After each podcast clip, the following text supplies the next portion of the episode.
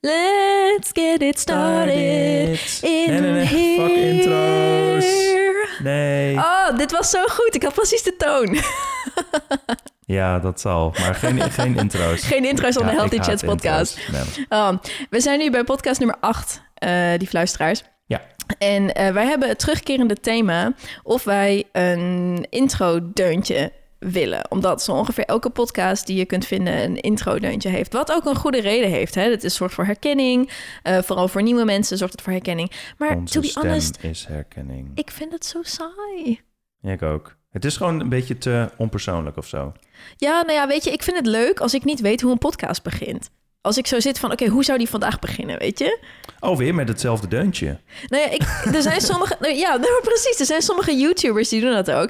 En eh, sommigen hebben een soort van de, altijd dezelfde opening. En anderen, die beginnen altijd anders. En dat vind ik zo leuk, omdat ik dan een soort van elke keer weer nieuwsgierig ben. Van, oh, hoe, in welke mood zou die dit keer zijn? Hoe zou dit keer eh, de, het stukje beginnen, zeg maar, de, de video beginnen? Ja, ik heb één podcast die ik luister die een soort van intro heeft, maar dat is meer zo van één zegt de naam en de ander zegt ook de naam en dan, en dan beginnen ze gewoon gelijk. Echt? Ja, dat Oh, is echt ik- gewoon vijf, zes seconden. Oh, dat is wel cool. Ja. Ja, weet je, ik denk dat het wel op zich chill is voor nieuwe mensen dat ze dat kunnen horen. ja, maar uiteindelijk... Maar ik denk, weet je, jullie luisteren ons waarschijnlijk vaker. Ga ik even zo vanuit. ja. En ja, ik skip nooit door de intro, maar ik sta wel gewoon echt op, op nul. Dan. Maar ook als die intro gewoon bijna een minuut of zo is, of 30 Nee, maar zo- seconden, Nou, der- ja, de meeste intro's die, die ik luister zijn 20 seconden, zoiets. dan vind ik echt 20 seconden van mijn leven. Maar goed. Oké, deuntjes aside. Podcast nummer 8. En we gaan het vandaag hebben over oordelen. En eh eventjes goed om uit te leggen hoe deze podcast in elkaar zit. Want we gaan een beetje iets anders doen dan wat we normaal gesproken doen. Normaal gesproken hebben we natuurlijk eh, een stukje theorie... en dan eigenlijk hoe wij het zeg maar, in ons leven toepassen. Een beetje ervaring. En we starten natuurlijk ook weer met... ehm, met de update, dat doen we wel gewoon. En daarna is de podcast verdeeld in twee delen. Namelijk één deel waarin we het een beetje gaan hebben over de theorie van oordelen. En dan vooral in de setting van health en fitness en mindset natuurlijk.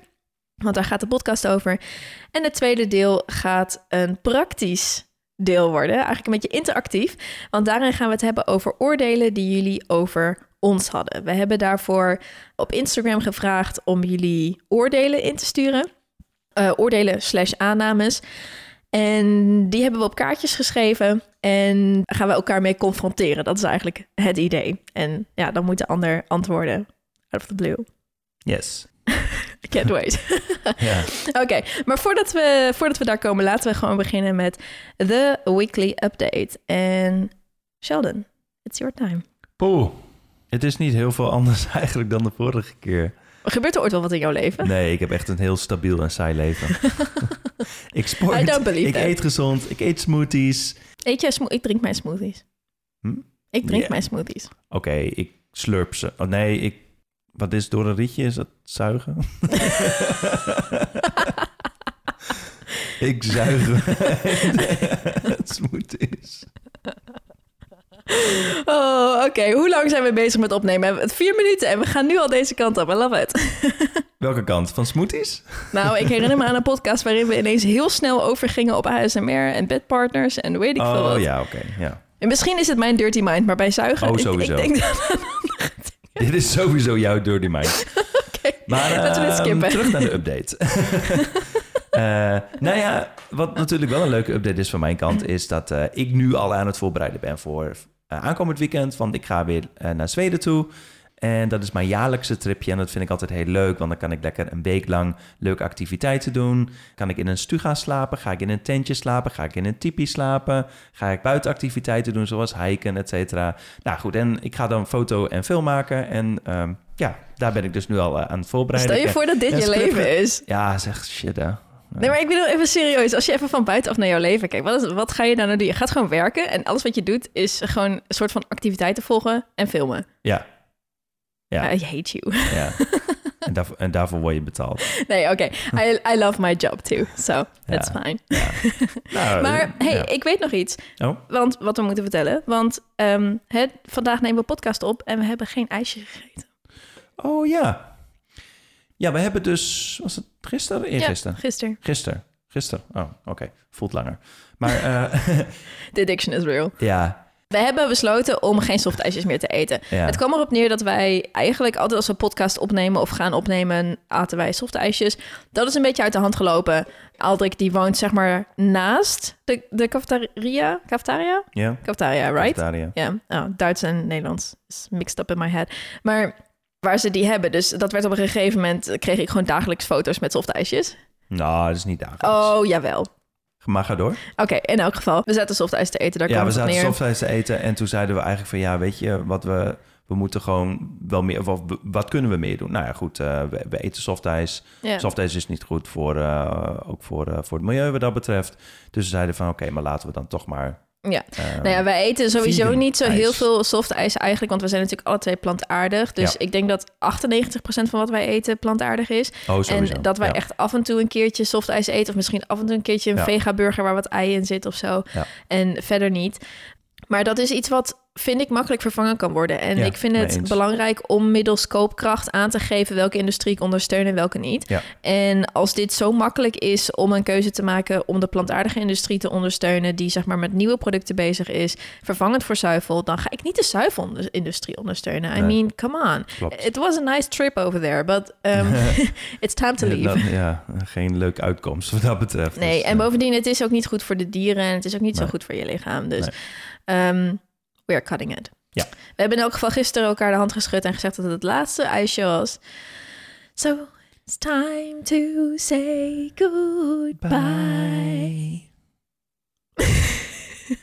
We will survive. Oh, sowieso. I'm a survivor. I'm not forgiven. Ik heb geen tekst. Oké, jij gaat niet meer zingen. Volgende. All right. Volgende. Goed, dan zal ik eventjes mijn update vertellen. Ja. Mijn update gaat eigenlijk alleen over vandaag, want ik besef dat ik vandaag een dag had die echt supergoed bij deze podcast past. En Oh. eigenlijk niet alleen vandaag, eigenlijk heb, het heb ik het al drie dagen, maar vandaag is het zeg maar op het, de top. Namelijk dat ik, je hebt, ik denk dat elke vrouw, ik spreek even alleen voor vrouwen, maar ik denk dat elke vrouw dit wel eens heeft. Het gevoel dat je dik bent. Hm. Ik zeg het eventjes gewoon heel plat zoals het is. Ik kan het wel mooier maken om iemand een beter gevoel te geven. Maar soms heb je gewoon het gevoel dat je dik bent. Ja. Eh, om het eventjes... Tuurlijk, ik weet dat ik niet dik ben, maar in je hoofd, ja. Dus ik had gewoon zo'n gevoel van... Ah, ik zit niet lekker in mijn vel. En ik heb het gevoel dat ik, ja, weet ik niet... Misschien vocht vasthoud of zo in elk geval. Maar in mijn hoofd zei Jouw een hoofd. stemmetje van... Ik ben dik. En dat was zo niet waar. Want ik keek vervolgens in de spiegel... en ik zag in de spiegel gewoon precies dezelfde persoon als alle dagen ook. En niet iets waarvan ik denk, oh, dit is te veel, dit is te veel. Soms heb je ook wel eens tijden waarin je natuurlijk een beetje aangekomen bent. En Ja, dat zie je dan ook terug in de spiegel van je kleren. Dat is allemaal niet aan de orde. Mijn kleren zitten goed. Ik, als ik in de spiegel kijk, denk ik, oh, hey, ik, Ik, ik, zie niks anders. ik zie er goed. Jij ziet, ziet niks anders. En toch zit in mijn hoofd dus heel erg dat stemmetje van je bent ik. Mhm. In elk geval, ik vond dat wel eventjes een eh, goed moment om bij stil te staan bij mezelf. Dat wat ik op dat moment aan het doen was, was eigenlijk een oordeel vellen over mezelf, wat er niet per se had hoeven zijn. En wat een best wel negatieve lading legt op mij en hoe ik naar mezelf en naar mijn lichaam kijk, terwijl het niet hoeft. Mhm. Right? Ik kan ook in de spiegel kijken en zien wat ik zie, de informatie opnemen, accepteren wat ik zie, zelfs al is het misschien zo dat ik eh, nog wat aantal kilo af wil vallen, hoef ik daar niet het oordeel aan vast te maken dat ik te dik ben. En het is nog, nog erger, denk ik, op het moment dat je het niet eens bent en jezelf zo labelt Ja. right? Ik denk altijd dat echte verandering het beste voort kan komen uit ten eerste acceptatie en ten tweede positiviteit. Daar hebben we het eerder over gehad in onze podcast over mindset change. Ja. Dat dat hele belangrijke vereisten zijn eigenlijk om te veranderen. En als je altijd een oordeel over jezelf klaar hebt staan, dan ontneem je jezelf eigenlijk al die twee belangrijke stappen. Ja, klopt. Ja, en ik denk, ik, mijn ervaring is dat vrouwen er heel goed in zijn. Dat vrouwen snel dingen van zichzelf uitvergroten en daar een heel erg zwaar oordeel aan plakken. En ik heb de ervaring gemaakt dat op het moment dat ik daar, me daar bewuster van werd en bewust probeerde dat los te laten, de relatie met mijn lichaam echt een stuk verbeterde. Hm. Ik heb altijd gedacht van oké, maar mijn benen zijn veel te. En ik, ik, ik heb zelfs, ik ben zelfs een beetje hesitating om dit te zeggen. Want dit slaat nergens op dat ik zeg dat mijn benen te dik zijn. Ik weet dat, dat nu heel veel mensen gaan denken van ja, eh, kijk naar mijn benen. Maar dat is niet wat ik ermee wil zeggen. Het zit in je hoofd, right? In elk geval, ik heb vroeger altijd het idee gehad dat mijn benen in proportie met de rest van mijn lichaam te dik waren. En ik zei altijd, ja, maar ik heb dikke benen. Totdat ik op een gegeven moment besefte van dit slaat helemaal nergens op. En ik hoef ook niet zo dit uit te spreken naar mezelf. Niemand die dat naar mij toe doet, waarom doe ik dit naar mijzelf toe? Ja. dit wordt een beetje een monoloog hier. Maar ik, ik ben dus benieuwd, want ik heb het idee dat mannen dat veel minder doen. Ja. Ja, nou, maar ik ben benieuwd. Vertel. Dit is geen mannelijke uitspraak, maar dit is een uitspraak in elk geval. Assumptions is the mother of all fuck-ups. Aannames is soort van een broertje of zusje, zeg maar, van, Oordelen. van oordelen. En ik denk dat ik redelijk door het leven ben gegaan om niet heel erg te oordelen. In elk geval niet over mezelf. Natuurlijk heb ik altijd wel een oordeel of een mening of een aanname. Dat ontga je niet. Maar ik kan me niet echt herinneren dat ik echt een... Ja, ik- het, het feit dat ik zeg maar nooit een opleiding heb gehad... daar heb ik best wel lang een oordeel over gehad. En ik weet inderdaad hoe destructief dat is. Maar als het gaat om lichaam, et cetera...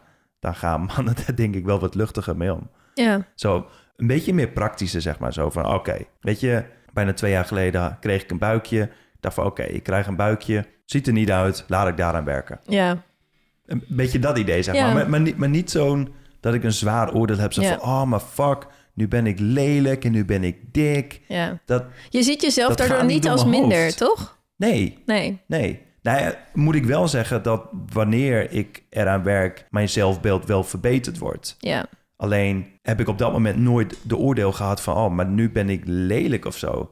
Mm. Het- mis- misschien voel je dat wel als man, maar je gedraagt je niet zo. Of... nee, denk ik niet. Want ik denk heus wel dat er wel mannen zijn die weten bijvoorbeeld dat ze, dat ze overgewicht hebben. Maar ik heb niet het idee dat mannen daar zo erg een oordeel over hebben. Ik heb het idee dat mannen misschien zich niet heel erg laten beperken door dat oordeel. dat en zou zo- zeker kunnen. En ik, ik, ben er niet helemaal uit hoe dit in elkaar zit nog. nee, ik ook niet. Maar ik, ik heb het gevoel dat vrouwen het gewoon...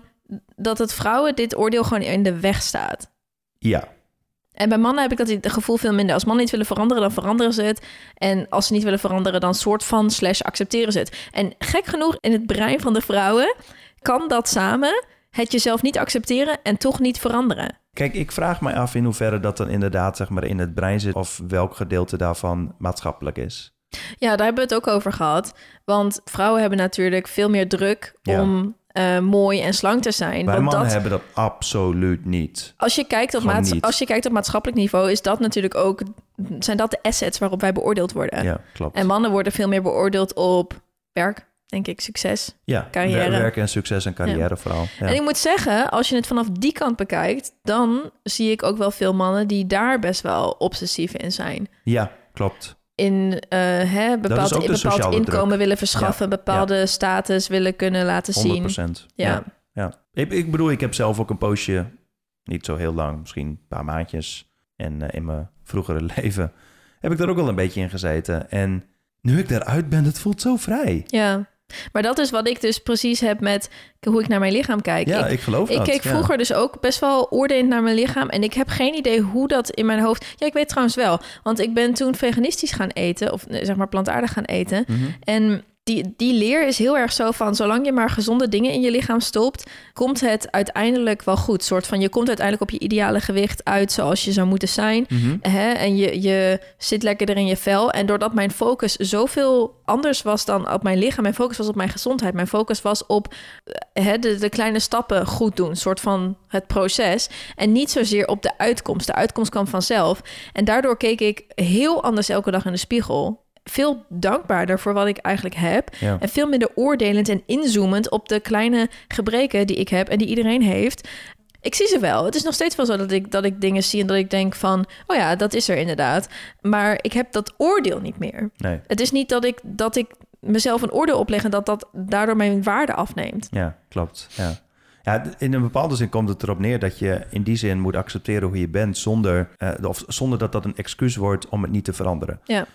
Als voorbeeld, als iemand dan inderdaad overgewicht heeft, dan moet dat geen excuus zijn zeg maar, om niet te veranderen. Want hoe je het bent of keert, je kan dan alsnog jezelf accepteren hoe je bent. Maar dan is er ook nog zoiets als gezondheid. En Ja. ja, je moet op een duur, zeg maar, een gezond leven leiden, eh, denk ik, om nou ja, dichter bij jezelf ook te komen, om gelukkiger te zijn, Nou ja, iedereen kan natuurlijk zelf het leven en het gewicht kiezen wat hij wil hebben. Als Ja. iemand zich goed voelt met 10 kilo tussen aanhalingstekens te veel. Ja, maar dan heb je nog een natuurlijke I'm, gewicht. I'm not judging, Nee, weet je. nee, dat, nee, dat moet iedereen zelf bepalen. Ja. Maar wat jij als eerste zei, dat, dat denk ik wel. Het is een fijne lijn tussen acceptatie, maar niet een excuus ervan maken exact. om niet te veranderen. Exact. En ja. dat is een klein beetje wat ik... En wat misschien ik, dat mannen dat juist dan wel weer meer hebben richting de kant. Excuus. Ja, exact. Ja, dat denk ik ook wel. Ja. Dat is wat ik wel vaak zie, dat ze het gewoon accepteren en denken, ja, whatever. Ja, I like pizza. ja. En, en een andere gedachte wat net in me opkwam was dat eh volgens Oh, ik mij... was nog niet klaar met mijn gedachten. Ah, oké, doe maar. Sorry. Ik wilde zeggen dat dat een beetje het vraagteken is wat ik altijd plaats bij body positivity. Wat nu heel Mhm. erg in is, zeg Ja. maar. Om eerst mee te beginnen, I'm all for that. Ik vind het zo goed dat vrouwen een soort van embracen wie ze zijn. En dat het niet een soort van regel oplicht dat je alleen maar in een bepaald gewicht een bikini aan mag trekken. Mhm. Alsjeblieft, voel je zo confident als je bent. Ja, Maar ik zie ook dat het een excuus wordt ja, om er niet meer mee bezig te zijn. klopt. En dan vraag ik me af of dat niet een soort van tipping point is, waarop het dan weer minder positief is. Ik zou dat, als ik er een oordeel aan, aan, aan, eh, aan heb, dan... Oordeel. Ding, ding, ding, ding, ding. ja, maar de- kijk, uiteindelijk wil je natuurlijk als mens, zeg maar, inderdaad jezelf accepteren zoals je bent. Maar ik denk dat het belangrijk is om te weten wanneer, zeg maar, acceptatie goed is en wanneer... Wanneer acceptatie denial wordt. eh, Ja, exact. Ja. Ja, Ik moet zeggen, als ik me voorstel, en ik kan het me niet voorstellen, want ik heb nooit zoveel overgewicht gehad, maar als ik me probeer in te beelden hoe het is om overgewicht, of misschien ook ondergewicht, dat, ik bedoel, dat is ook een vorm van body ja positivity. Oh, Laten we dat ook Ja, meenemen. Ja. Maar als ik me voorstel hoe dat is, dan kan ik me ook voorstellen dat die mensen misschien al hun hele leven er ook mee bezig zijn dat ze niet het gewicht hebben wat de maatschappij voorgeeft en wat andere mensen van ze verwachten. Dus dat zij al lang blij zijn dat die body positivity het voor hun zeg maar goedkeurt klopt, dat ze zo zijn zoals ze zijn. En dat snap ik dat dat een soort van heel erg bevrijdend voelt. Maar ik heb zoiets van dat is, dat is een, een tussenstap. Maar, ja, maar laat dat de katalysator dat is, zijn, zeg precies, maar. het is een tussenstap. Maar ga niet daar parkeren en kamperen. Ja, Maar- kamperen. Ja, maar move on, weet je. Dat Ja. is een hele belangrijke stap om Ja. jezelf te accepteren... en te weten dat je goed bent zoals je bent. Ja. But it's not the end. Nee. En überhaupt er is natuurlijk niet een einde in die zin. Maar je bent er niet als je dat gaat gebruiken als excuus... om niet verder te gaan. Nee, de, de- de vorige keer hebben we het ook al over gehad, volgens mij, dat zeg maar met streefgewicht. En streefgewicht zou ik meer zien als een soort van gezonde range, Ja, waarin mensen gezond zijn. Ja, Dus en zich gelukkig voelen. Ja, ja, precies. Ja, Ja. precies. Ik denk dat dat zeg maar uiteindelijk het streven is dat je een soort van range hebt, een gezonde range. Dat kan gewoon. Dat je de ene week echt gewoon twee kilo eh, lichter bent of zwaarder bent dan de andere. Eh, maar dat dat soort van een beetje het streven is om die range te bereiken. Ja, dat denk En, ik en ook. ik denk dat iedereen een soort van gezond gewicht heeft, mits ze inderdaad letten op hun gezond leven. Want voor de mensen die gezond leven, die weten hoeveel het waard is. En ik denk dat je pas weet hoeveel het waard is als je het zelf gaat Als je het hebt ervaart, ja. dat en en heel veel zeker. mensen die inderdaad gewoon niet gezond eten, die weten letterlijk het verschil niet. En die hebben dan zoiets van, ja, maar wat wil je nou? Mijn Oh, eten is- is, gewoon... Er is zo'n mooie quote die ik er eventjes op in moet haken. Dat is echt mijn live quote. So many people have no idea how good their bodies are designed to feel. Ja, En dat is, dat raak je Zo- kwijt, klopt. dat is zo sterk. Ja. Want je hebt niet door hoe je je kunt voelen als je het nog nooit hebt meegemaakt. Nee, en ook de verschillende nuances van het eten wat je in je lichaam stopt. Ja. Wat dat doet met je, met je gedachten. Ik bedoel, ik merk het zelfs als ik een, een softijsje heb gehad. Dat het lichaam toch iets anders Ik heb dat ook. reageert Ja, dan... ik heb dat ook. je merkt het zeg maar in je, in je- Ik merk het nog niet zozeer in, in mijn hoofd, maar wel zeg maar dat mijn maag gewoon wat, wat, wat anders doet dan normaal. Ik merk het altijd als ik, als ik... Ik hou van brood. En ik eet ook af en toe brood. En ik vind ook dat je brood moet kunnen eten. Brood is Mhm. lekker. Mhm. En in die zin prima gezond. Ja. Maar als ik tussen de middag brood eet... dan voel ik me toch anders dan wanneer ik een salade eet. Gewoon om het feit dat ik zoveel verschillende voedingsstoffen, vezels... Ja. vitamines binnenkrijg als ik een salade eet. En ik krijg ook wel wat binnen als ik brood eet. En ik hou Mhm. heel erg van brood. En ik zou brood nooit opgeven. Maar toch gaat mijn voorkeur... als het gaat om wat ik, hoe ik me erbij voel... gaat mijn voorkeur uit naar een salade. Dan voel ik me Ja. gewoon Ja, super ik. Ja. energiek. Ik heb echt zoiets van, oh, ik kan hierop door tot het avondeten. Terwijl als Ja. ik brood gegeten heb, dan is het zo, oh, lekker. Maar Hmm. Het land wat, wat anders, wat Ja. zwaarder. Ja, Dat het voel land ik ook anders, hoor. ja. klopt. Dus, hè, en het is volledig oké om daar een balans in te vinden. Ik ben helemaal voor een balans tussen wat gezond is en ook waar je je goed bij voelt. Mhm. Ik ga brood nooit opgeven, eh, hoe goed ik me ook voel bij salades. Want voor mij is eten niet alleen maar eh, gezondheid. Het is ook belangrijk dat, dat je jezelf een beetje wat gunt, zeg maar. Nee, eens. Ehm, maar ja, het is wel de reden dat ik niet dolgraag veel bewerkte dingen eet. Ja. Omdat ik me daar ook gewoon niet zo goed bij voel. Ja. En dan, dat is helemaal niet in mijn hoofd. Heel veel mensen dan denken dan gelijk van... oh, maar dat is obsessief of zo. Maar ik, heb dan, ik mis dan gewoon een gevoel... wat ik normaal gesproken wel heb als ik Obsessief gezond eet. zijn extreme. Obsessief is voor mij... en eigenlijk zou ik willen dat we daar definitie van hadden... Nou, of in elk geval ik, meer een zoek, ik, gesprek zal, over. ik zal, zoek, ik zal zo even een definitie van obsessief opzoeken. Maar ik weet niet wat ik wil zeggen. Shit, laat maar. Nou, oké. Ik. Ehm, ik, ik heb nog wel een vraag trouwens, want eh, we wijken nu een klein beetje af met waar het net over ging. Maar hoe ervaar jij die druk van de maatschappij zeg maar, op jezelf qua oordeel over hoe jij eruit zou moeten zien? Eerlijk gezegd, Nee, dat geeft niet, maar ja, eerlijk gezegd, ik denk niet dat ik die heel erg voel, omdat ik er zo uitzie. Vanuit mezelf. ja, dat zou kunnen. Ik heb de- Ja. in die zin misschien het geluk, tussen aanhalingstekens, Ja, het ja. voordeel, tussen aanhalingstekens, dat ik slank ben, westers, blank, ja. eh, een meisje, Ja. ehm, niet lelijk. en ik ben, I'm fitting ja, ja ik zeg snap. maar, Ja. ik, ik, ik pas erbij. Maar ik denk Ja. dat dit veel, eh, dat je dit veel meer voelt als je er niet in past, zeg maar. Ja. Dat denk ik echt. En natuurlijk, ik, ik, ik, voor mij is het moeilijk om dat te scheiden, want ik heb natuurlijk vanuit mijn werk al soort van wordt al verwacht dat ik er op een bepaalde manier uitzie. Mhm. Net zoals dat, en dat, dat, ja, dat wordt vaak een beetje weggedingst, zeg maar. Maar Mhm. dat is in de fitnessbranche ook zo. Want je gaat ook niet naar een nagelstudio waarbij de mensen lelijke nagels hebben die je nagels doen. Je gaat niet naar de kapper als de kapper zelf lelijk haar heeft. En je, je gaat moet ook zelf niet. het voorbeeld geven. Ja, je moet zelf het voorbeeld geven. En in de fitnessbranche is het ook zo dat je niet. Misschien wil- zou je nu zeggen van... oh, maar ik, ik vind het ook prima om een trainer te hebben die out of shape is. Of ik heb een trainer die out of shape is en die weet wel heel veel. Mhm. hè? Uitzonderingen daar gelaten. Maar over het algemeen wordt verwacht dat je zelf fit bent. Als ik Ja. ergens solliciteer, dan verwachten mensen dat ik gewoon dingen kan... en dat ik gewoon fit genoeg ben om mijn cliënten goed te kunnen Ja, helpen, ja, zeg maar. klopt. Je moet zelf het goede voorbeeld zijn. Dus ik denk dat ik daardoor die druk al niet zo heel erg voel... omdat ik dat toch al en, aan en volgens mij lees je ook niet heel veel van die beauty magazines. Oh nee, oh my god, no. no. Nee, maar, maar dat is... Ik denk wel dat dat een behoorlijke katalysator is. Want dat is ook een beetje dat... Hè, ja.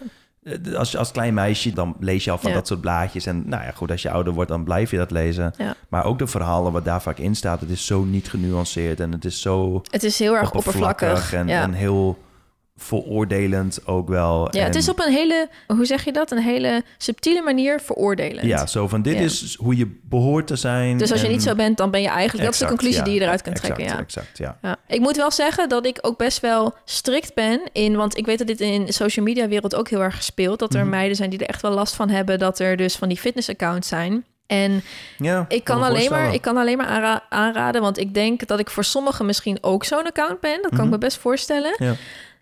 Wees egoïstisch. Als jij je ergens niet goed bij voelt, ontvolg diegene dan. Dat doe ik ook. Ik ga echt best wel vaak door mijn lijst en skip mensen waarvan ik denk, oh, diegene geeft me eigenlijk helemaal geen goed gevoel. En ik volg wel soort van fit chicks, maar dat zijn meiden waardoor ik me geïnspireerd voel. Ja. En Ja. ik volg nooit iemand die mij het gevoel geeft dat ik minder ben of dat zij aan een bepaald ideaal voldoet waar ik niet aan voldoe en ook nooit aan kan voldoen. Nee, ik denk dat dat ook een, een mooi verschil is tussen man en vrouw wat dat betreft, om daarop terug te komen. Want ik denk dat vrouwen vooral kijken naar andere vrouwen zo van, oh, maar zo wil ik ook worden. Ik weet dat ik dat ook doe. Op het moment dat ik zeg maar een man zie... En Kijk je naar andere vrouwen en denk je, zo wil ik ook worden? Als ik naar een man kijk die gewoon een goed lichaam heeft, dan kan ik best zeggen van, oh, dat is ook wel het lichaam wat ik zou willen hebben. Maar dan Mhm. gaat mijn leven gewoon weer verder. Ja, ja het is, ma- mannen zijn hier veel objectiever in dan vrouwen. En Ja. ik snap het wel, want wij worden een soort van gebrainwashed vanaf jongs af aan... dat als we niet op een bepaalde manier zijn... dat we hè, minder, minder succesvol zijn... en- minder, ja, minder succes bij mannen... minder succes misschien in, in het krijgen van de baan die we willen. En het is ook wel zo dat als je, denk ik, voldoet aan die idealen... dat er wat meer deuren voor jou open gaan. Ja, maar de vraag is vervolgens of je die kant op wil. Want Dat Ik- gaat automatisch. Dat gaat Ja, ja, automatisch. weet- weet als ik, weet niet om te zeggen dat, dat, maar als ik zie hoe vaak ik soort van dingetjes gratis krijg of dingen soort van mij in de schoot vallen ja, en dan vaak door mannen en dan denk ik, als ik anders eruit had gezien en ook anders was geweest, want omdat ik soort van altijd geaccepteerd geweest ben, ben Mhm. ik natuurlijk op een bepaalde manier zelfverzekerder dan iemand die dat misschien niet heeft. Ik denk niet dat, ieder, dat de wereld voor iedereen zo in elkaar zit. nee, zeker weten En niet. ik kan niet, ik kan daar weinig over zeggen, want ik ken maar één kant. Maar ik sta er wel altijd even bij stil dat, eh, dat het een privilege is. Ja, Om, om ja. toevallig de, de, de, de redelijk volgens het ideaalbeeld uitzien, zeg maar. Ja. Wat ik daarop in wilde haken is, ik- hè, wat ik bedoel van, het wordt het alleen maar oppervlakkiger wanneer je dat pad opgaat. Mm. In de zin van, als vrouwen bijvoorbeeld kijken naar eh, veel van dat soort magazines en die worden geobsedeerd zeg maar door dat lichaam krijgen. Het enige waar dan de focus nog op ligt, is om dat lichaam Om te lichaam te krijgen. krijgen. Ja. Maar dat biedt Dat- geen diepgang. En dat maakt je ook niet gelukkig. Dat maakt je niet gelukkig, Nee. dat biedt geen diepgang. Dat biedt niet, zeg maar, de wereld waar je daadwerkelijk gelukkig van wordt. De nuance is natuurlijk wel van, hè, je moet op duur een lichaam krijgen, denk ik, in die zin, waar je gewoon gelukkig in voelt. Ja. Dat is de nuance. En of dat maar daar- met- maar of dat met- moet en- het zijn. ja, maar ik vind dan, hè, als dat dan met 5 kilo overgewicht is, zeg maar buiten de gezonde range, of met 5 kilo Ja, nee, nee, nee, ondergewicht maar- onder maar gezonde range, is, dat is, de, is de dat range. alsnog prima. Ja. Ja. vind ik. Stel je voelt je net iets beter dan als je 5 kilo buiten de gezonde range valt, dan doe je dat toch lekker. Ja. Mhm. Door naar het volgende onderdeel. Ja, laten we naar onderdeel 2 gaan. Nou, wat betreft oordelen in deze zin, denk ik dat het goed is om je te realiseren wanneer je ze hebt.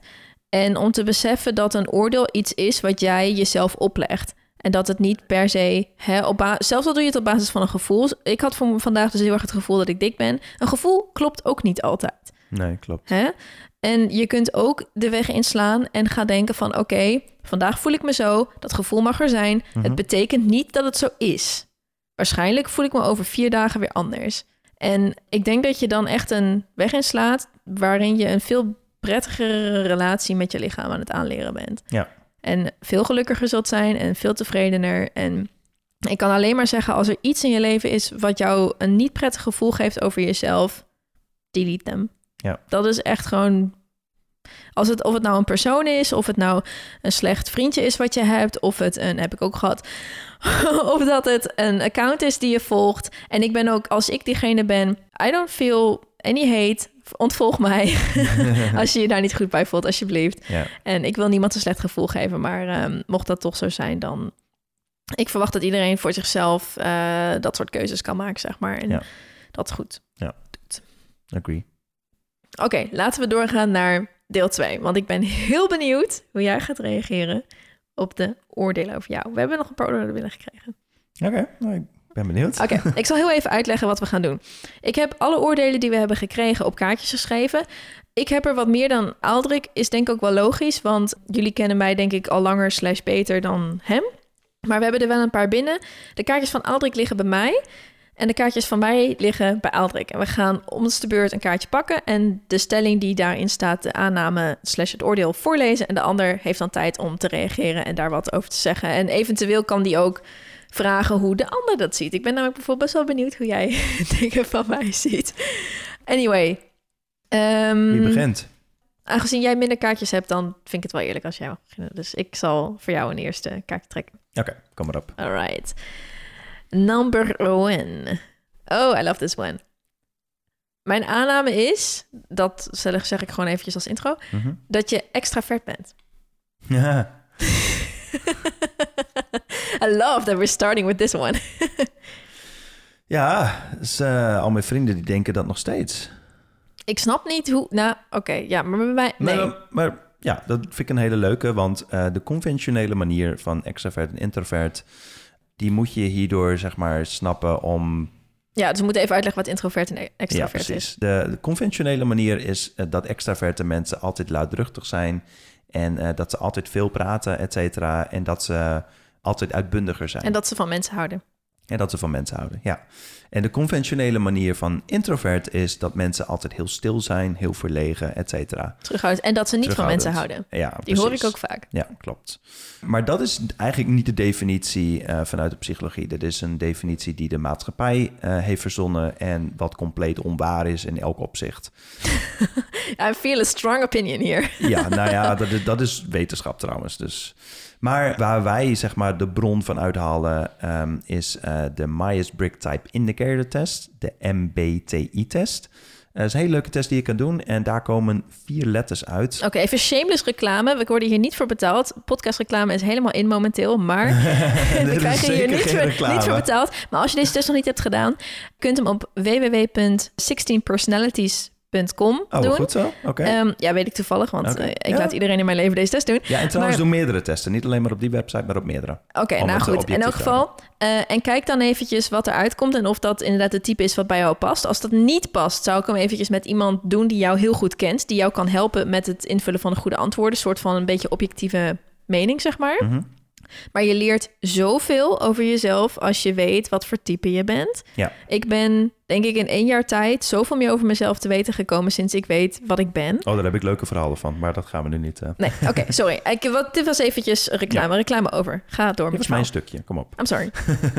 Ehm, maar vanuit die test is dus eh, het verschil tussen extravert en introvert heel anders. Want dat heeft te maken met hoe je oplaadt. Ja. En that's it. Extraverte mensen die laden op door bij andere mensen te zijn. Introverte mensen laden op door alleen te zijn. Ja. Dat is grofweg eh, het verschil tussen de E en de I, zeg maar, van de eh Myers-Briggs Type Indicator Test. En ik ben een introvert. Ja. Ik denk voor 80, 90 procent ben ik introvert. Gewoon echt, echt ja. wel heel veel. Ja, heel erg. Je bent introvert. Aldrik is introverter dan ik. Ik ben een soort van ambi- ambivert, zeg maar. Maar ik ben dan weer hoog sensitief. Heet dat zo? Ja. Ja. In elk geval, ik kan niet zo heel goed tegen te veel prikkels. Dus dat maakt mij misschien weer een soort van een beetje introverter. Ja. Maar als jij op een bruiloftreis bent geweest... nou, dan zie ik Aldrik drie dagen niet, hoor.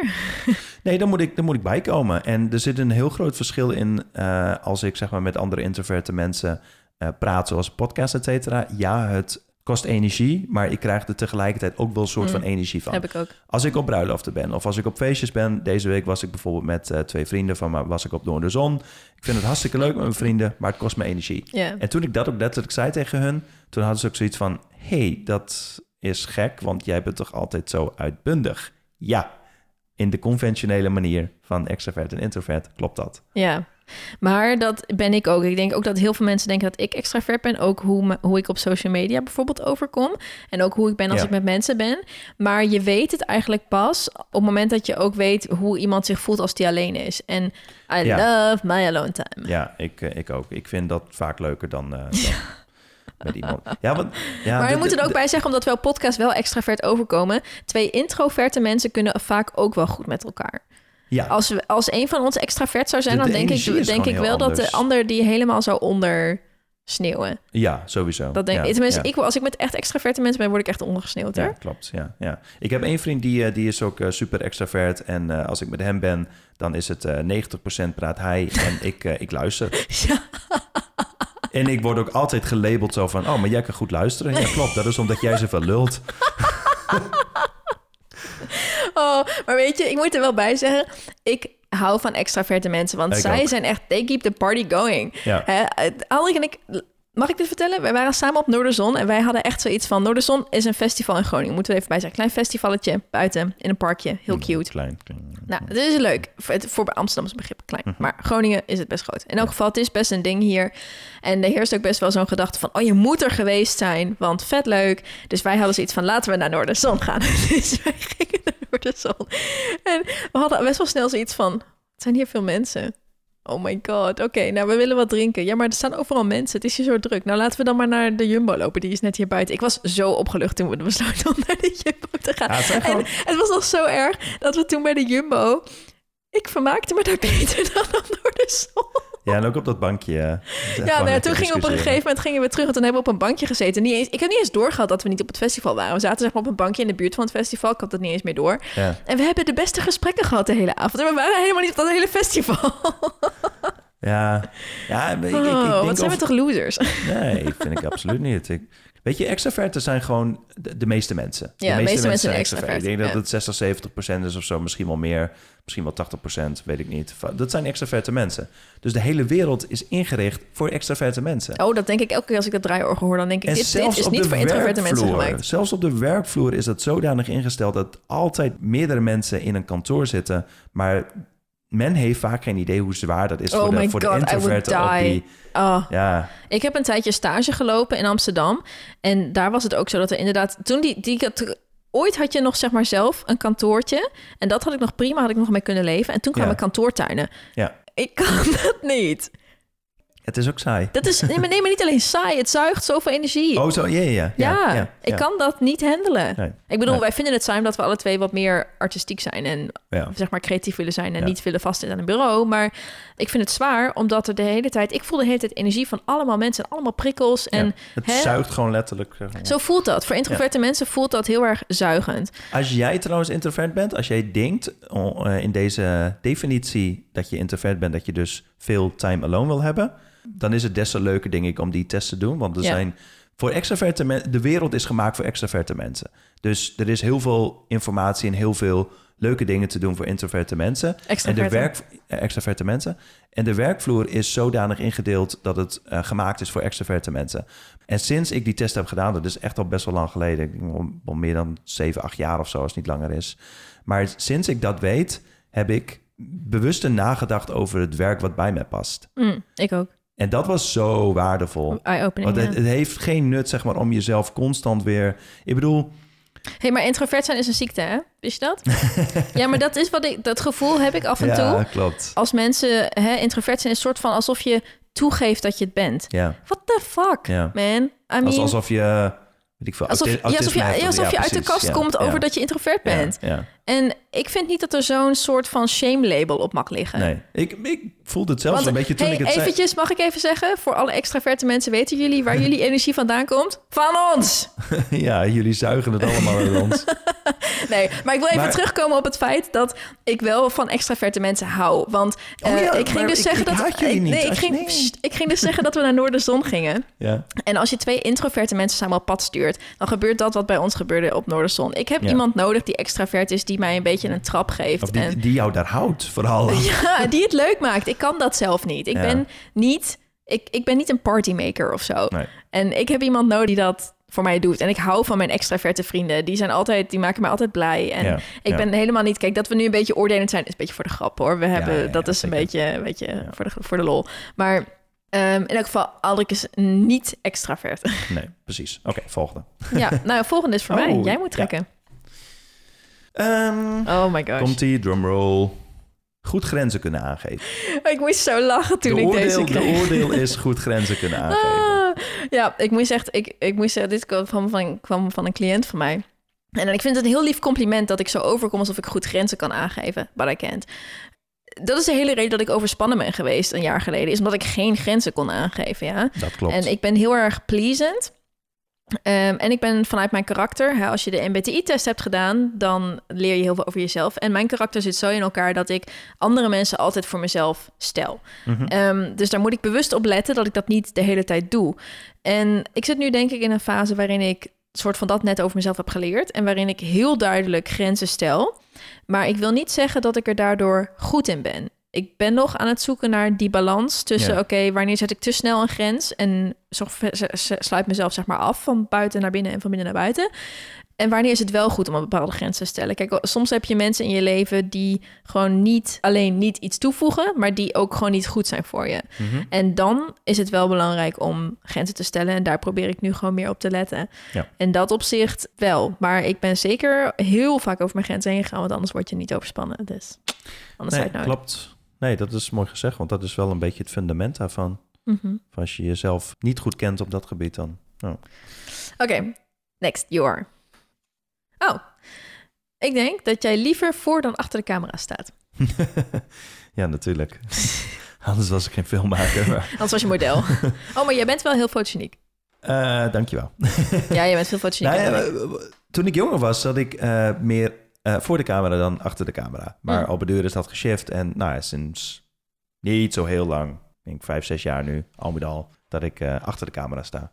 Maar ik vind het inderdaad leuker omdat ik daar meer de diepgang in kan vinden en de psychologie kan uiten, zeg maar, voor mensen. Helemaal als ik directing werk doe, zeg maar, voor shortfilms of commercials, et cetera, dan kan ik daarin veel dieper gaan. Dus dan, dan vind ik dat leuker. Mhm, Ja. Oké. Next.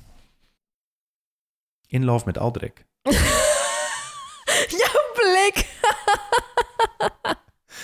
Ja, ik ken ze niet, dus... Ah, maar deze had wat ik toch gedeeld? Is dat zo? Ja. Oh. nou, vertel. Ja, ik nou, ik, nee, ik vind, het, ik vind het niet erg.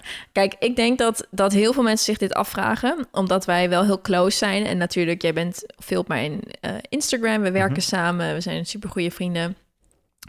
En yes, I love you. Nou, I love you too. Maar ehm, kijk, wij hebben ooit een relatie gehad, een paar jaar geleden. En in die tijd ben ik ook overspannen geweest. En jij had zeg maar een aantal dingen waar je mee zat. En we hebben gewoon besloten dat we ons beter momenteel op onze eigen weg kunnen focussen, zeg maar. Mhm. En dat je verliefd bent of dat je van elkaar houdt, betekent niet dat je altijd ook in een relatie kunt zijn op dat moment.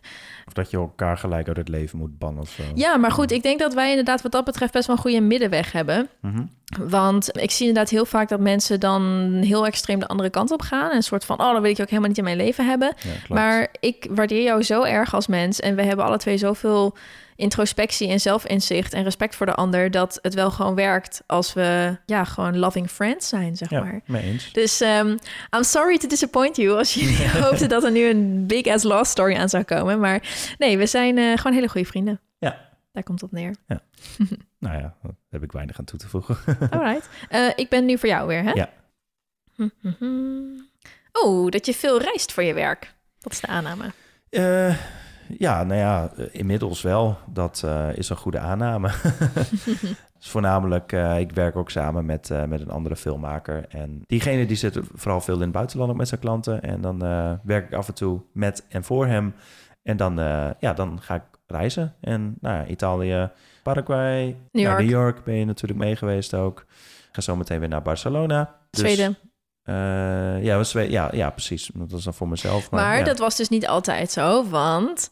Oh, dat klopt. ja, ik, eh, ik weet niet. Ik heb mijn laatste trip, weet ik nog heel goed, was in 2009. Dat was Bulgarije. En Is dat zo lang geleden? ja, dat is zo lang geleden. Dat was echt mijn. Nou, ik moet zeggen, ik ben nog één keer naar Mallorca geweest naar een vriend van mij die Dan ben je daar. echt tien jaar daar gewoon woonde. niet gevlogen en Nee, soort van. Nee. En, en in, nou ja, wel dat van Mallorca. Maar ja, ik vond, of daarna moet ik zeggen, heb ik dus heel lang niet meer gereisd. En ik vond het altijd gewoon zelfs een beetje eng. En ik, eh, ik praat het mezelf op een duur een beetje goed dat, dat ik geen vakantie meer hoef. Wat, wat op zich ook waar is. Want mijn leven is zo relaxed geweest de afgelopen tijd, jaren, dat ik oprecht geen behoefte heb om op vakantie te gaan. Maar ja, ik vond het altijd eng. En ehm, ja, toen op een duur ben ik meer gaan reizen en toen begon ik het weer echt leuk te Dit vinden. is waar Aldrik's naam vandaan komt. Aldrik, ik noem Aldrik vaak Sheldon of Shelly. en dat is afgeleid van Shell. wat- wat voor- Michelle. Wat voor schelpje staat, wat weer afgeleid is van dat Aldrik graag in zijn schelpje zat toen Ja. ik hem leerde kennen en niet zo graag daaruit kwam. Dus Ja. Ehm, veel mensen die wat closer zijn met ons, die horen ons wel, zeg maar, dat ik hem Sheldon noem. Meestal op, op, in, op Instagram, social media probeer ik wel Aldrik te zeggen. Maar nu is de word out, dus nu kan ik jou ook eh, officieel Sheldon noemen. Maar Aldrik, ik noem Aldrik meestal Sheldon. dat is gewoon zo gebleven. Sheldon of Shelly. Ja, meestal Sheldon. Ik zeg niet meer zo vaak Shelly. Ja. Je bent ook wel redelijk uit je schelp gekomen nu, maar Ja, klopt. it's very cute. Oké, next. je bent een eh, strenge coach slash trainer. oh, ik had deze. Ja. Hoe weet jij dat nou? Oh, nou, eh, we hebben wel eens samen gesport en toen heb je me ook wel eens gecoacht. En toen dacht ik, hè, ben jij dat? Oh, come on. Ben jij dat wel? ik zie het als compliment. nee, Ja. maar ehm, deze had ik gedeeld op Instagram en daar kwamen eh, best wel... Volgens mij twee derde dacht dat ik wel streng was en een derde dacht zo, nee, die is wel lief en zo. Ik moet erbij zeggen, het hangt af van de soort training die ik geef of de soort persoon die ik coach. Als je iemand hebt die goed zijn best doet, ja, of je, je geeft een training die op een wat lager niveau is, tuurlijk ben ik dan chill, weet je. Tuurlijk. En ik, ik wil zou willen zeggen dat ik altijd chill ben, maar ik ben wel streng. Mhm. Streng, maar rechtvaardig. Dat, dat zeg ik altijd. Dat is wat ik denk wat eigenlijk ook een trainer zou moeten zijn... Hm. voor de gemiddelde persoon, zeg maar. Hm. Want mensen komen vaak ook voor een bepaalde stok achter de deur... en Ja, voor eens. eventjes de motivatie en het setje... en voor iemand die, die zegt waar het op staat... en niet voor Ja, iemand die alles sugarcoated. Klopt. Dus als iemand zichzelf zit te bullshitten... Anders kun je net zo goed naar een vriend gaan. Precies, Ja. weet je, dat, dat is een hele belangrijke les. Een coach is niet je vriend. En dat is ook altijd wat ik heel erg onthoud. Het is niet mijn bedoeling dat iemand mij per se heel erg mag... en met mij een soort van privé zou willen afspreken. Maar het is de bedoeling dat ik iemand op de goede manier kan helpen. En sommige mensen die bullshitten zichzelf... tijdens Mhm. de training of tijdens de coaching. En dan zie ik gewoon dat diegene meer kan dan die geeft. En dan kan ik ook zeker wel streng zijn. En er zijn ook bepaalde trainingen die soort van vragen dat je streng bent. Ik geef ook high intensity training. Nou, daar komen mensen niet naartoe, zodat ik zeg van... oké jongens, als je kunt, dan doe je nog maar 20 eh, push-ups. En als je niet meer kunt, dan doe je er nog 5. Nee, dat gaat er wel aan toe als van... oké, en nu nog 20 push-ups. Als je klaar bent, dan gaan jullie gelijk een rondje rennen. Niet stilstaan. You feel the energy, yeah. Daar komen mensen voor. En dat is een beetje de rol, denk ik, die je als trainer inneemt. Ja. Ja, en ik zou willen zeggen dat ik privé een soort van de iets zwakkere versie daarvan ben. Maar ik kan wel zeggen waar het op staat, denk ik. Maar ik ben wel, ik zou mezelf wel zachtaardig willen noemen. Ja, Ja, dat klopt ook. dus Ja. een beetje een mix van beide, denk ik. Oké, jij bent. Hey, aangezien eh, ik, jij meer hebt, eh moeten Oh, wil je er nog eentje? Ja, je mag er nog wel eentje. twee achter Ja, elkaar sure. doen en dan eh, Sure. en graag op jezelf bent. Yep. Next. Doe ik nog één. Even, even in de flow nu. Je bent Duits. Nee. Oh man, ik heb... Zie je, zelfs ik zeg dat wel eens. Ja, zoveel mensen, slecht. zoveel, zelfs vriendinnen zeggen dat. Ja. For once and for all. Ik ben geboren in Nederland, in Middelburg, in Zeeland, in het kleine visserdorpje. Stad. daar ben ik weggegaan op mijn negende, omdat mijn vader bij Philips werkte. En als je daar werkt, dan ben je een soort van net zoals de Shell-kindjes, want je gaat de hele wereld rond. En mijn Mhm. vader, die ging naar Duitsland. Dus ik ben meegegaan en daar zijn we dan een aantal trajecten geweest, zeg maar. Gewoon die werden steeds verlengd. En ja, toen op een gegeven moment was ik klaar met school. En toen was het voor mij handiger om in Nederland te gaan studeren. En toen ja, ging ik Ja, naar Groningen. En dat toen, heb- dus. toen ben ik hier gekomen. En hier ben ik nog steeds. Ja. Maar ik ben dus Nederlands en ik heb ook geen Duits paspoort. Ik spreek Duits vloeiend, maar verder niks. Oké. Gewoon Nederlands. Duidelijk. Het is een beetje als Sinterklaas, soort van je schoen zetten en niet weten wat erin komt. je bleekt je tanden. Ehm, ja, dat was very funny. Nee, ik bleek mijn tanden niet. Maar toevallig heb ik daar wel precies die week over nagedacht om dat eens te doen. En ik denk dat het komt omdat ik mezelf best wel vaak natuurlijk op foto en video en zo terugzie. Ik wil niet zeggen dat ik me eraan stoor, maar ja, het is wel mooi als je gewoon schone tanden hebt. Dus eh, ik zat daar even een korte tijd over na te denken. Maar toen ik eens echt in de spiegel ging kijken, dacht ik van, ah, ik heb hele witte tanden. Heb Dus je ook. ik weet niet waarom ik zit... Net, eh, net als dat je, nou ja, Wat? niet dik bent. Ja, ja, ik, ja, ik vind mijn tanden prima. Kijk, ze zijn voor foto's misschien... Kijk, je kunt altijd wel... Het kan altijd beter, als in witter. Maar ik vind ze gewoon goed. En ja, ik heb wel vaak mensen die daarnaar vragen. Ik gebruik de charcoal tandpasta. Met Hm. die zwarte kool iets erin van Dr. Organic. En die is wel heel goed. Ook sowieso voor tandplak vind ik die echt super. Oké. En ik flos altijd mijn tanden. En ik poets altijd 's morgens en 's avonds mijn tanden zonder uitzondering. En ik eet natuurlijk veel natuurlijke dingen. Als je Dat veel, als je veel ja. koffie drinkt en als je veel dingen Thee. met, met kleurstoffen en zo eet, dan verkleuren je tanden sneller. En dat doe ik nooit. Ja. Dus ja, ik denk dat het daardoor komt. Oké. Oh ja, jij bent. Yes. Next. Oh, dat je een serieus iemand bent. Dat is de aanname. Ja en nee. ja, ik denk voor de mensen die mij niet zo goed kennen, die vinden mij denk ik best wel zwaar en serieus op social media. Maar je stem gaat dus- ook helemaal omlaag. Ja. maar als ik dezelfde informatie zou delen hier op de podcast, dan zou dat Al veel minder serieus zijn. Ja, Ja. klopt. Ja. Het is wel grappig, want ik denk, ik zou in de zin van wat jij op social media deelt, en voor de mensen die dat niet weten, dat is, jij deelt veel over milieu en over. Het zijn zware onderwerpen. Het zijn zware vooral. onderwerpen. Ja, ja, Maar als we kijken naar hoe wij als personen zijn, ja. Dan zou- zwaar. nee, dan zou ik zeggen dat Ook niet ik, serieus. ik zou zeggen dat ik zwaarder ben dan jij. Jij bent, jij bent serieuzer en, en Ja. in die zin zwaarder. Ja. En ik ben, eh, ik denk dat ik heel luchtig ben. En, Ja, en jij bent over het een- algemeen vrolijk en ik lach veel. En, Ja. Dus ja, ik, ik snap dat wel dat mensen dat, eh, dat denken. Maar Yes. Je weet wat je wilt. Mm, denk het niet. Ik volg meestal mijn intuïtie. Maar dat betekent niet dat je weet wat je wilt. Klopt. Mijn intuïtie is gewoon best wel sterk. En ik heb de laatste jaren ermee doorgebracht om goed naar dat gevoel te leren luisteren en daar ook goed op te anticiperen. Mhm. Dus ik volg dat gewoon. Ik doe wat goed voelt en wat niet goed voelt, dat doe ik niet. En daar ben ik best wel stellig in. Ja. Ehm, maar dat betekent niet, denk ik, dat ik heel goed weet wat ik wil. Ja. Maar ik hoor dat heel vaak. Oké. Dus ik kom blijkbaar zo als ik goed, weet wat ik wil. Oké. Right. Oké. Oh, ik heb nog maar twee kaartjes van jou. Misschien moet je nog eentje van mij doen. Eh, ik heb er nog... Oh, twee. Oh, nou doe er nog eentje, dan doen we nog van jou. Heel direct. Ja, hebben we ook al behandeld, ben ik wel. Ja. Ja. Oké, als het nodig is. Nee, niet als het nodig is, ben ik eigenlijk altijd wel. Maar Ja. wel, zeg maar, niet bot. Dat is belangrijk om erbij te zeggen. Ik ben niet bot, toch? Nee. Ik zeg gewoon waar het op staat. Oké, I don't like to sugarcoat things, you know. All right. Ehm, dat je vriendelijk en toegankelijk bent. Ja. ja, toch? Ja, dat, Ja. die aanname die klopt wel. Hoewel ik wel moet zeggen, en ik denk dat dat voor alle introverte mensen ge- geldt, wij beschermen onszelf goed. Omdat we dus onze energie eigenlijk moeten Bes- eh, sparen. bes- ja. besparen en Ja. beschermen. Dus wij zijn niet. Jij hebt niet heel veel vrienden, ik heb niet heel veel vrienden. Ik denk ook niet dat we snel Jan en allemaal in ons leven zouden laten. Nee, zeker niet. Dus we zijn toegankelijk op oppervlakkig niveau. Maar ik- Gewoon om makkelijk contact mee te ja, gewoon makkelijk contact mee te hebben, Ja. zeker. We zijn wel super sociaal, maar ik denk, Ja. zou willen zeggen dat het voor jou en voor mij, want daar lijken we wel een beetje op in bij elkaar, dat het niet heel makkelijk is om met ons echt bevriend te raken. Ik denk dat we wel best wel gereserveerd zijn. Ja, omdat ik ehm, Ja, nou ja, gewoon heel kieskeurig ben in wie ik in mijn leven Ja, hou. om- qua, omdat- gewoon qua energie. ja, qua en, energie. En, wat voor type mensen ze zijn. En ja, Ja, ben ik ook, absoluut. Ja. En ik, ik hoor wel eens eh, andere mensen zeggen van ja, maar any company is better than no company. Maar dat geldt voor mij en ik denk Nee, voor jou dat- ook niet. nee, ik ben liever alleen dan in een slechte Dat is een extraverte uitspraak. Dan weet je dat ook weer. Dat Als je dat hoort, sowieso een extravert. Ja. Ik weet je wat ook veel extraverte mensen zeggen? Huh? Meer, eh, meer ziel en meer vreugd. Ja, Dat is ook echt typisch extravert. ja, is ook echt niet bij mij zo. Nope. That's funny. Oké, ik heb de laatste voor jou.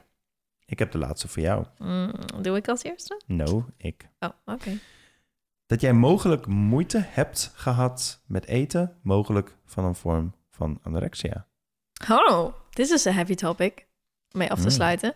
Eh, mag ik het kaartje nog even nee, zien? want ik sluit af. Ja, ja, maar voor mij zeg maar. Want Ja, het was een lange vraag. Dan kan ik eventjes ernaar kijken. Dat Ja. ik mogelijk moeite heb gehad met eten. Mogelijk een vorm van orthorexia. Orthorexia is wat anders dan anorexia. Oh, oké. Ehm, ik ga eventjes de definitie van orthorexia erbij ik pakken... om dit goed te kunnen beantwoorden. Ja. Oké, dit is de definitie volgens het internet van orthorexia. Orthorexia is een niet officieel erkende eetstoornis waarbij iemand ziekelijk gefixeerd is op gezond eten. Mensen met orthorexia willen uitsluitend het ge- allergezondste eten. De hoeveelheid eten speelt niet zozeer een rol. Aan de kwaliteit van het eten wordt de kwaliteit van het leven afgemeten. Wauw. Ja, dat Die is de definitie. Ehm, ja, orthorexia is eigenlijk een soort van de fixatie op eten, waarbij het vooral gaat om zo gezond mogelijk. Maar het is Mhm. in elk geval wel obsessief. Dat wist ik er ook al wel van. Oké. Ehm, nee, ik denk niet dat ik dat heb. ik Nee, hou, je, je bent wel nog redelijk genuanceerd en zo. En als Ja. het een keer echt gewoon niet gezond kan, dan, dan is het niet anders. ik hou, nee, maar überhaupt, ik hou, van gez- ik hou gewoon van gezond eten. Ik Ja. hou ervan hoe, hoe het smaakt. Ik hou ervan hoe ik me erbij voel. Ja, Maar ik kan zeker ook wel een keertje iets ongezonds eten en daar totaal niet mee bezig zijn. Ja, en. En, en ik zou sowieso niet zeggen dat ik ziekelijk daarmee bezig ben. En dat het mij eh, vaak is een stoornis, wordt ook gezegd als het, je, als het je in de weg staat of als het contact met anderen in de weg staat. En dat klopt, is ook überhaupt Nee, niet klopt, zo. klopt. Ik, ik ken genoeg mensen die inderdaad het moeilijk vinden om, vooral in deze branche, die het moeilijk vinden om naar afspraken te gaan waarbij ze geen controle hebben over het eten. Nou, dat heb ik echt totaal niet. Denk je dat het zo overkomt?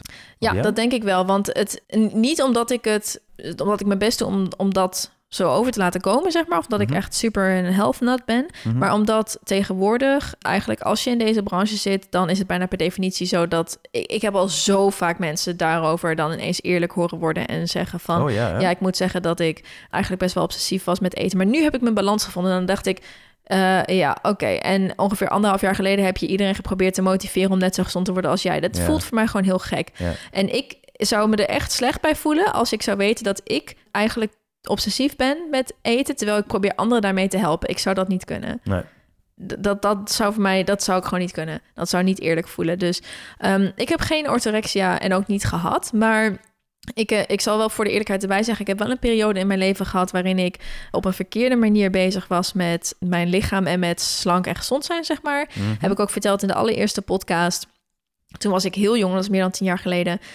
En dat was vooral omdat ik gewoon niet wist hoe je, eh, hoe je dat doet. Ik was gewoon een jong meisje en ik weet niet, toen was ook nog weinig bekend of niet zo heel veel bekend over hoe je zeg maar slank bent en zo. Dus ik had zoiets van, oké, als ik maar zo weinig eet als ik kan, dan, dan eh, word ik wel zoals ik wil. En ik, ik at nog wel gewoon, was niet dat ik bijna anorexia of iets had. Maar ehm, wel dat ik zou zeggen van, nou, het is geen wonder dat ik zo weinig energie had toen, want ik at ook bijna niks. Ja, oh, ja, Ehm, that makes sense. En daar moet ik ook nog wel bij zeggen, dat komt er ook nog bij. Ik ben iemand die niet zo heel goed kan eten als die zich slecht voelt. Als ik, als ik down ben, zeg maar. Hm. Dus daar heb ik vroeger ook wel last van gehad. Ja, Als ik de puberteit ben je natuurlijk wel eens down, hormonen en shit all over the place. En als ik dan down was, dan had ik gewoon geen honger en dan zat ik snel vol en had ik buikpijn en zo. Maar dat is allemaal, bijna honger. Ja. dat is allemaal binnen de normale range, zou Ja, ik zeggen. ja. Zou jij zeggen dat ik, dat ik orthorexia heb? Jij kent mij. Dus eh, Onder die definitie, nee, nee, nee. heel eerlijk voor alle volgers. Oh, wel onder een andere definitie? Eh, nee, want eh, gewoon als de definitie. Nu, Ja. klinkt, nu klinkt het zo alsof ik geen orthorexia heb volgens dat wat op internet staat, maar wel volgens jouw oordeel. Dus Nee. Eh, nee, absoluut niet. oké, nou, ik hoop dat dit eh voor eens en voor altijd eh, beantwoord is. Maar ik vind het wel een hele goede vraag, moet ik zeggen. Ja. Ik ben blij dat je, dat je het gevraagd hebt. Oké, oh ja, jij bent natuurlijk met je laatste. Oké, deze is leuk. Dat je diepzinnig slash filosofisch bent. Nee, ik, ben, ik hou meer van oppervlakkigheid. Oh nee. Dit is ook al een pot gekomen. We hebben een soort van... Ik, Ja, ik had, wist niet eens wat alle, wat alle stellingen waren, maar Ja. goed. Nee, ik, ik krijg juist geen, eh, geen energie van oppervlakkigheid. Dus ik, ik hou van diepzinnigheid. Ja, wij zijn alle twee ook wel filosofisch met elkaar, zeg maar. Ja. Ja. En op de podcast een beetje. We try. Ja, we Maar try. goed, oké. Ja. We hebben ze toch nog allemaal weten te beantwoorden. Maar we zijn wel al super lang bezig. Dus ik zou willen zeggen dat we gaan afronden. En, Yes. Ehm, Oké, bye. Wacht even. ik, hoop, ik hoop dat, dat jullie... Want dat was eigenlijk het doel van dit ding met oordelen. Dat jullie ons een beetje beter hebben leren kennen. Maar dat jullie ook gezien hebben dat een oordeel niet altijd waar hoeft te zijn. Weet je, op social media, vooral op social media... kom je over op een bepaalde manier. Je hebt maar zoveel mogelijkheid om jezelf te laten zien. En iets kan altijd anders geïnterpreteerd worden. Daarom hou ik zo van podcast. Ik kan veel meer context geven. Jullie Ja, kunnen ons veel beter leren kennen. Ja. Dus ik hoop dat jullie daar nou ja, misschien wel verbaasd over zijn. Ik weet het niet. Of misschien denken van, oh, dit is anders dan dat ik had gedacht. In de positieve zin. Ik moet wel zeggen dat ik echt pleasantly surprised was over de soort aannames en oordelen die wij kregen. Want Ja. ik heb dit vaker gezien op andere kanalen. Het heet Assume Something About Me. Waarin mensen dan een soort van oordelen insturen. En ik heb echt al best wel heftige oordelen langs zien komen... die andere accounts binnenkregen. En jullie waren zo lief. Ja, jullie houden die in, hè? Nou ja, nee, en ik wil niet zeggen inhouden. Ik, ik geloof erin dat je, dat je, zoals je zelf bent, dat dat ook de mensen zijn die je aantrekt en waarmee je de community beeldt, zeg maar. En dit heeft mij weer laten zien dat ik gewoon zo'n lieve, supporting eh, en eh, open community heb. Dat jullie gewoon niet eens super slechte dingen assumen. En dat vind ik gewoon echt tof. Dus ja, ik wil dat nog wel even zeggen. Vind ik Wordt, goed. wordt een beetje... Dit, nu ben ik aan het... eh, Sugarcoaten. nou, niet sugarcoaten, maar nu, dit is mijn soft side. Ja. maar goed, laten we daar maar mee stoppen voordat het eh, te sugary wordt. Ik hoop dat jullie het leuk vonden. En ja, laten we nog eventjes afsluiten met dat als je Aldrich een serieuze post wil volgen, dan kun je hem volgen op Aldrik Aldrich B. B. Nee. Oh nee, sorry. Aldrich Aldrich B. Ja. Nee, mail Yes. hem maar niet. Maar Nee. dan kun je hem volgen op Aldrich B. Op Instagram en mij op at Plentifulplan. En ons op The Healthy Chats podcast. En dat was het. I Yes. think. Tot volgende Let's keer. call it a night. Yes. Right? Yes. Do we? Can I, Yes. can I end with a jingle? Yes. La, la, Oké, fuck outro's.